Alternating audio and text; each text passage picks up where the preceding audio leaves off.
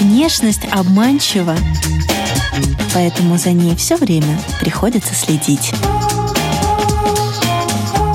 Программа «Внешний вид» на Латвийском радио 4.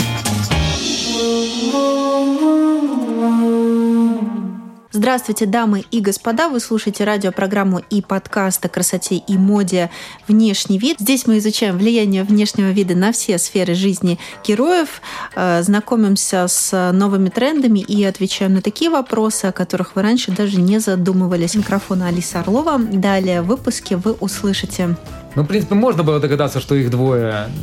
Такой же похожий человек есть у кого еще. Только у меня. Э, близнецы в тренде. И, кстати, с каждым годом они все больше и больше в тренде становятся. И сегодня у нас внешний вид братьев-близнецов, братьев-актеров Дмитрия и Владислава Хапиловых. И мы за кадром договорились, что вот будет именно в такой последовательности, потому что кто-то старше, я так понимаю, на несколько секунд, минут. Да, здравствуйте. Здравствуйте. Да, Дмитрий э, действительно старше. Я там, правда, с секундомером никто не стоит. Типа первый пошел, второй пошел, там выключайте свет, они на свет лезут. Нет, такого нету. Но где-то вот ориентировочно я на 5 минут его старше. Вы уже привыкли к тому, что вас так и представляют Дмитрий и Владислав. А когда-то бывает Владислав и Дмитрий? Не, ну, конечно, бывает иногда и Владислав, и Дмитрий. И иногда бывает и некоторые не запариваются, называют Влад Дима. Типа да. Влад и Дима. Сразу Влад Дима. Некоторые вот. доходят уже даже до такого ноу-хау, как называют нас Бадим потому что имя Вадим содержит и Влада, и Диму одновременно. Э, в начале программы подкаста у нас э, есть такая микро, э, совсем маленькая рубрика, называется «Визитка», но она дает возможность гостям рассказать немного о себе именно так, как им хочется. Пожалуйста, кто начнет? Дмитрий, Владислав? Ну, можно на комстри разыграть, но давайте начнет, наверное, Владислав, я подхвачу и продолжу. Да. Э, мы с братом актеры, закончили Ярославский театральный, сейчас выступаем в основном в театре ОСА, это Общество свободных актеров. Ну, также снимаемся в латвийском и иностранном э, кино, э, сериалах, потом мелькаем иногда на различных, в различных рекламах, на разных плакатах, ну и так далее. Иногда нас зовут выступать в качестве моделей на всяких показах но не, не настолько уж профессиональных, скажем так. Но как модели вы ходите по подиуму или это именно реклама для каталога, может быть, какого-то, где просто именно позирование? Фотографирование на рекламу. Вот. И еще нам нужно было на открытии походить э, в костюмах, а, типа людей позавлекать.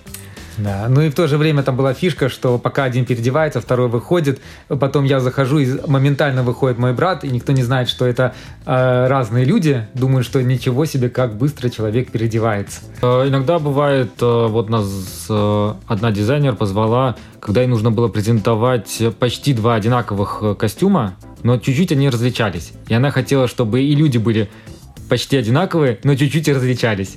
Вот она нас позвала. Ну, то есть вы имеете отношение не только к театральным кругам, но и к модельным, к fashion-кругам тоже? Ну, да, можно сказать, но однако... так, прикоснулись. Прикоснулись, да, к fashion-индустрии. Понятное дело, что там намного можно глубже уйти, там уйти в какое-нибудь модельное агентство, заключить контракты, уже выступать от их лица. Но пока у нас мы до такого не дошли, а пока только это такие, скажем так, разовые мероприятия, где нас зовут, поскольку мы близнецы, поскольку мы актеры, можем что-то еще даже показать, сыграть, э, если там какое-то игровое более шоу. Но близнецы в тренде? Э, близнецы в тренде. И, кстати, с каждым годом они все больше и больше в тренде становятся. Тут еще тоже идет, наверное, влияние и азиатской культуры, где они немножко раньше начали в тренде быть. Э, там Эма, допустим, часто друг друга копировали, именно схожесть близнецов у них считалось очень большим трендом. И оно сейчас идет э, к нам вместе с э, кей-попом. Вот. И то есть больше и больше появляется таких вот мероприятий, где а вот было бы классно, если бы там были бы близнецы или похожие люди. А, ну, понятное дело, что когда мы пришли в театр и нас увидели, сказали, да, этих мы берем в труппу, потому что близнецы в театре – это фишка. Вы уникальны, куда бы вы ни пришли. Э, для вас это груз ответственности в какой-то степени или только развлечение? Ну, скорее развлечение и какое-то преимущество, потому что всегда есть какая-то фишка дополнительная к тому, что ты умеешь.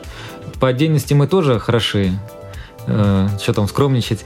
вот. Э, но, конечно, близнецовство это большое преимущество. Да, ну, есть периоды, когда хочется ну, совершенно отличаться от брата, но вдруг появляется какой-то проект, когда э, говорят, вы же близнецы, давайте одинаково одевайтесь, давайте одинаково какие-то вещи делайте, жесты и так далее. Ну, это все затягивает обратно, скажем так, давайте быть более похожими.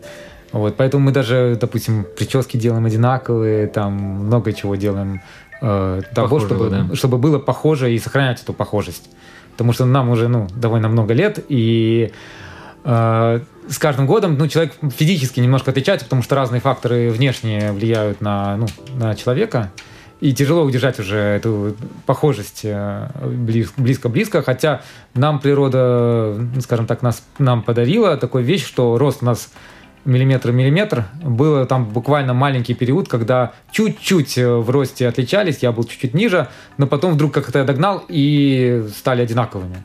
Поэтому в этом плане повезло. повезло. Обычно близнецы еще по росту где-то отличаются сантиметров на 5. Замечаете ли вы, что с возрастом вот в чем-то вы начинаете уже менее быть похожими друг на друга? Вот что-то вот меняется. Mm. Если да, то что? Ну, характер он всегда отличался. Темперамент он тоже отличался. Вот. Я считаю, что у нас очень отличаются голоса, но люди, которые нас слышат э, в первый раз, часто путают. Может быть, люди с музыкальным слухом сразу могут определить, так, это Дмитрий говорит, это Владислав говорит.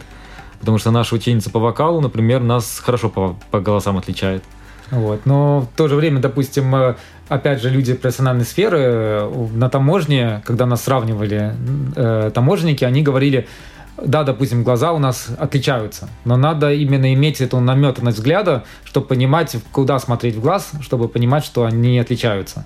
И надо знать, что перед тобой э, стоят близнецы.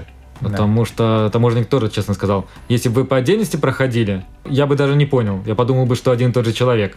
Да. Такой же был прикол и в Испании, когда мы перелетели туда, я протягиваю два паспорта Э, от себя и за брата, э, таможенник, он такой смотрит, первый паспорт, окей, там, проходите, открывает второй паспорт. Э, так, открывает снова первый паспорт. Так, что-то я это видел.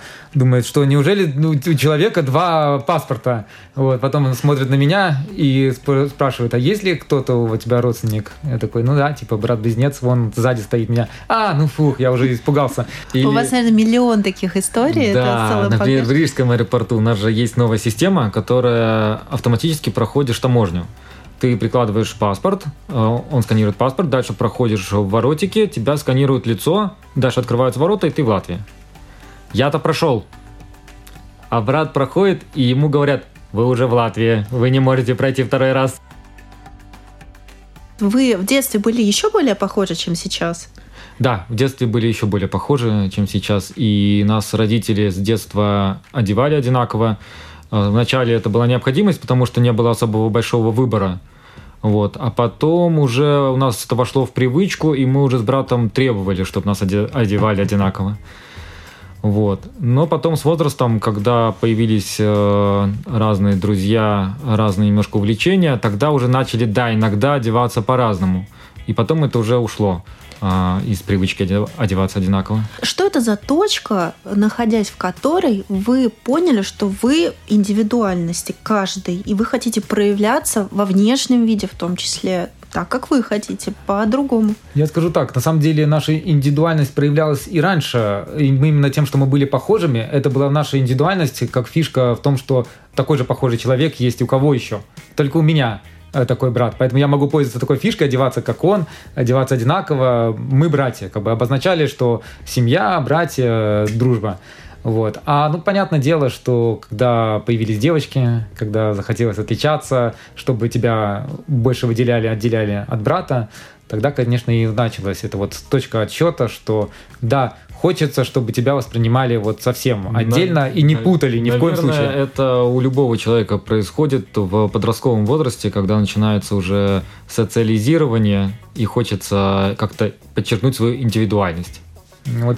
Вначале это, как бы, конечно, были такие мелкие фишки, там какой-то элемент одежды, какая-то там, ну, такой вот... Не знаю, там шарф другого цвета. Вот как сегодня Да, у вас. как сегодня. Да. Но свитера тоже разные, там, Да. как бы, и дальше. Да, вот Дмитрий в желтом, желтый и синий сочетание, а Владислав э, си- э, полосатый, синий в белую полоску и зеленый шарф. Ну, как бы сейчас зима, поэтому сильно не отвяжешься от того, что свитер все-таки должен быть. Поэтому не, нет такого, что один пришел там условно в, в рубашке, а второй пришел в свитере. Да. Когда у вас какой-то выход в свет, может быть, это связано с какой-то премьерой театральной, вы э, как-то мэчите ваши дресс-коды, у вас э, есть какие-то переговоры, в чем ты пойдешь, а ты в чем пойдешь, давай одинаково или давай Ну, по-разному? Если честно, да, мы друг, друг, с друг другом созваниваемся. Сейчас тем более есть WhatsApp и другие социальные сети, где можно переслать картинки, в чем я пойду, в чем брат пойдет, чтобы или выглядеть одинаково, или выглядеть как-то интересно, вроде как похоже, но немножко отличались. Вот. э, Ну, короче, координируем мы свой выход в свет. Да, иногда бывает, что, например, я хожу в магазин, условно смотрю одежду, вижу какой-то классный там свитер и так далее, и звоню брату, не хочет ли он такой же приобрести. Давай я два возьму, да? Потому что размер же совпадает, и я же могу примерить, и точно знаю, что ему подойдет. Я вот, вот я Да. сфотографировался, пожалуйста. А были когда-то периоды в жизни, что кто-то, например, полнел, и вот вы уже были в разной физической форме? Да, да. К сожалению, такое тоже есть. Если много есть, то начинаешь толстеть быстрее брата. А, Вот. И да, бывала у нас разница до... Самая максимальная разница была в 10 килограмм. И это прям было видно. Вот. Вы Оно тогда был- все равно были похожи? Мы были похожи, у нас лица были тогда очень похожи друг на друга. Сейчас лица немножко чуть-чуть отличаться начинают, э, но Зато фигура плюс-минус стала одинаковой. Да, а в то время, да, вот я был чуть-чуть крупнее, я кушал больше, даже доедал за брата, потому что он ел меньше, вот, и я вижу, что у него лежит, и я спрашиваю, будет? Он говорит, я нет, не буду, ну, я тогда забирал себе. И получается, я ел не только свою порцию, но я еще и за братом доедал. Ты когда смотришь на брата, который вот сейчас в лучшей физической форме, ты смотришь как будто бы на лучшую версию себя. Это вызов, это челлендж постоянный, да? Ну, я скажу, это удобно, потому что ты смотришь, так, не мешало бы заняться спортом, надо записаться. На самом деле, как таково, сам ты, наверное, не обращаешь внимания на то, что твой брат отличается от тебя или похож. Но люди начинают тебя сравнивать со стороны и говорить, допустим, что а ты немножко там толще брата, там ты немножко по-другому выглядишь, ты там э, не побрился, а он побрился, условно говоря. И вот эта вот оценка со стороны как раз больше заставляет того, что следить за собой и что-то делать. э. А вы нормально на это реагируете? Потому что делать такие замечания со стороны тех людей, которые это делают, это же не совсем этично. Но вот как вы это воспринимаете? Ну, это, конечно, может быть неэтично, но с другой стороны, уже в актерской жизни я такого наслушался, что уже как-то все равно. Да, ну как бы да, ты принимаешь, ты, у тебя есть выбор всегда, когда ты слышишь такую вещь, либо ты громко прерываешь человека, который тебе дает замечание, либо ты просто э, ну, слушаешь и думаешь дальше, имеет смысл заморачиваться на его- над его словами или не имеет смысл заморачиваться.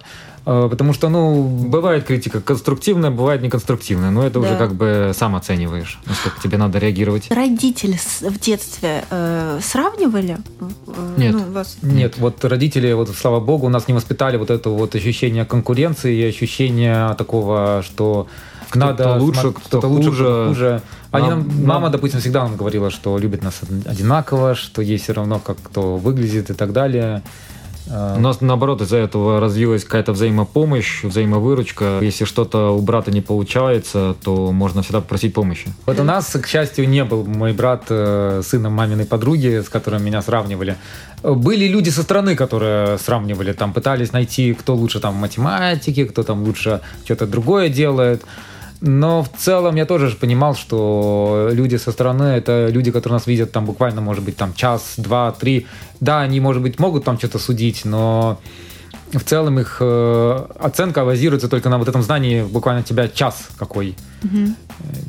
Но вы-то друг друга знаете уже очень давно и очень хорошо. За что вы э, друг друга, каждый э, второго может похвалить, э, какие сильные стороны есть, ну вот объективно.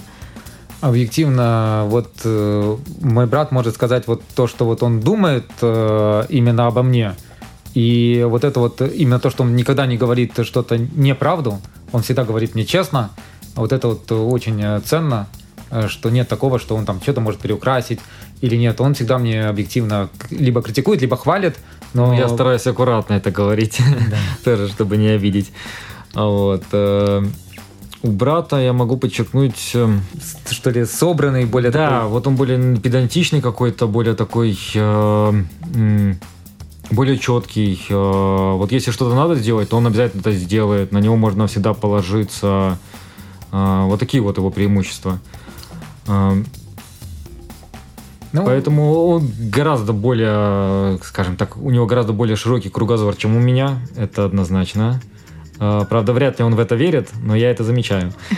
Да, вот я вот как раз хотел только что сказать, что я сам в это не верю. Хотя мне он постоянно это говорит. Поэтому нужен брат, который всегда, который всегда напомнит. Да. да. Есть еще примерка. И вот если кто-то не смог, учитывая вашу э, похожую физическую форму, кто-то другой может прийти на примерку, померить этот костюм. Это же удобно? Да, да. Особенно, когда какие-то происходят съемки, и обычно на, на съемочный день четкий график выстроен, когда ты будешь сниматься, что ты будешь сниматься, то на примерку костюма обычно звонят, говорят, слушай, завтра нужно прийти померить костюм. Там буквально окно в два часа, вот придет э, дизайнер по костюмам, вот с ним поработай. И тогда, если я, например, занят, я могу позвонить брату, сказать, слушай, ты там случайно не свободен, можешь меня подменить, э, померить костюм. Да, без проблем, тогда приходит, он мерит. Да, или вот, например, недавно мы участвовали в костюмированном э, э, балу, э, и там тоже я, получается, примерил и свой костюм, и костюм э, брата. Это были просто исторические танцы, и там уже был исторический костюм. Э, понятное дело, что под каждого человека он подгоняется под рост, под его физические форму. И когда костюмер узнала, что второй мальчик, который будет участвовать на балу, это мой брат-близнец, и у него одинаковая конституция, она так обрадовалась, что ей не надо будет ждать еще второго человека, а мы быстренько, я померю все костюмы, и все, на этом Вас мы разойдемся. очень любят э, костюмеры, видимо, Костюмеры, да, да обожают. Одни мерки снимешь, и все. Да. А расскажите на примере спектакля «Джекил и Хайд», который да. вы играете в Осе, э, как вы вообще э, играете? Ну, начнем с того, что это по рассказу Стивенсона об э, докторе и его альтер-эго Джей Хайди.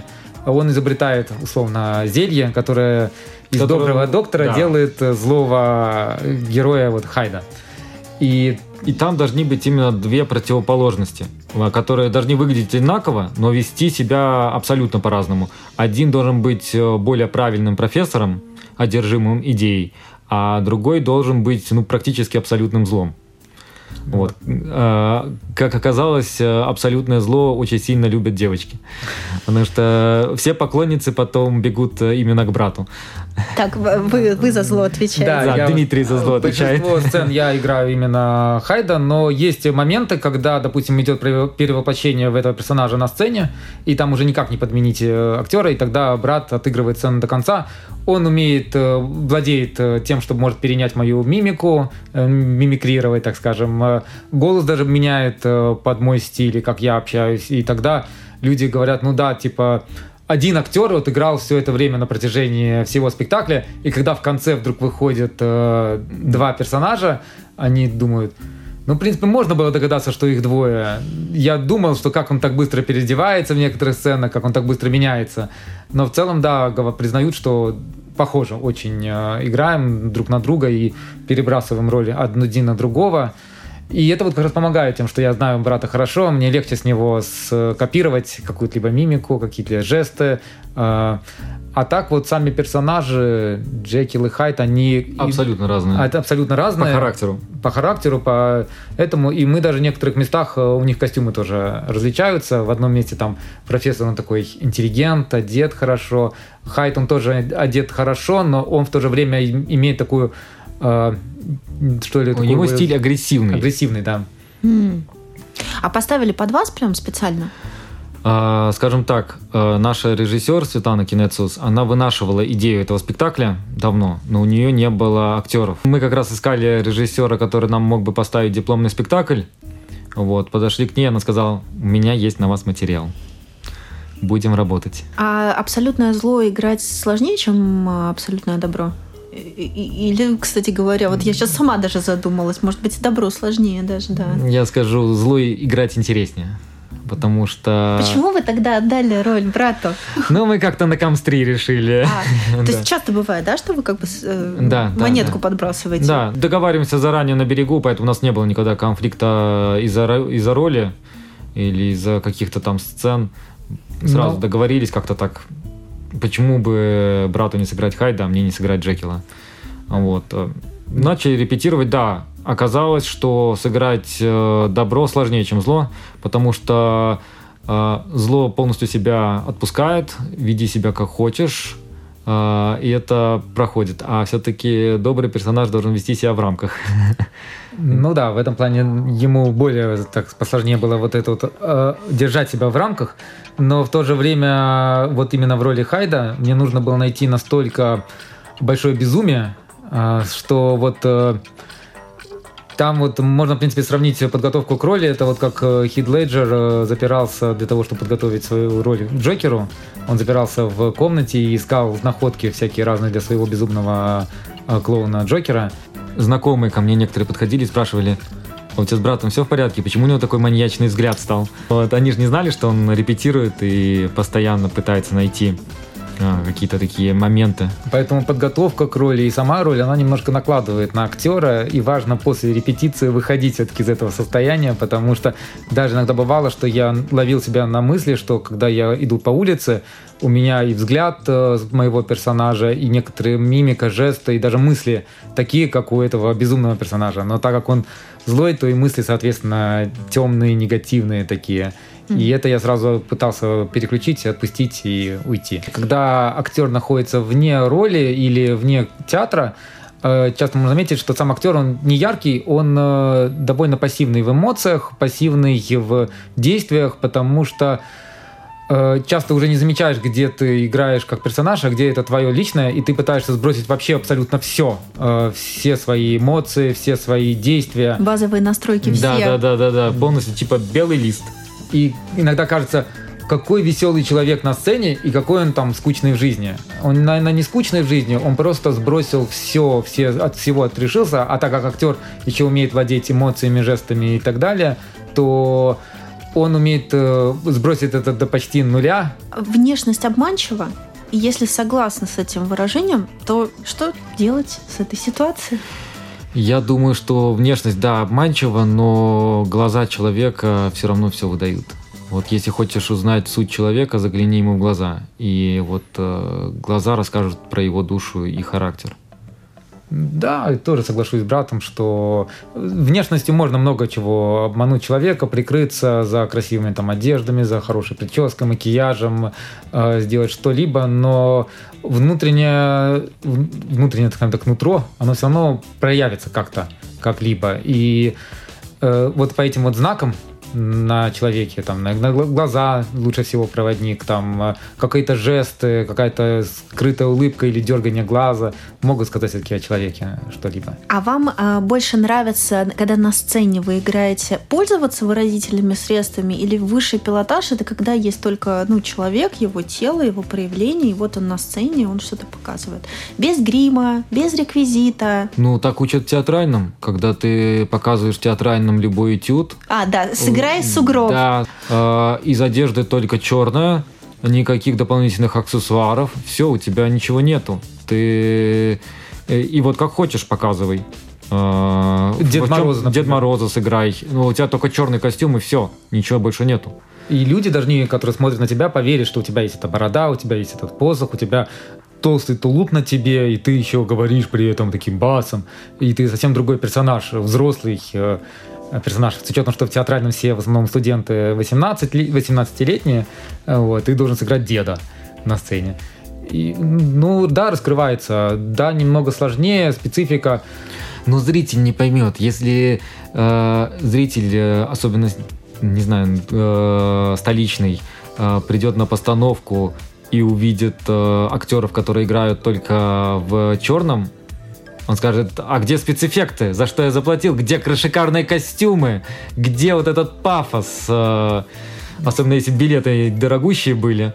Вот. Да, Или тогда обычно сразу заявлено, что, например, какая-то альтернативная альтернативный спектакль или авангардный какой-то спектакль, тогда да, допускается, что э, форма может быть и очень простой. В кино вы тоже играете? Да. Есть да. такой опыт, да?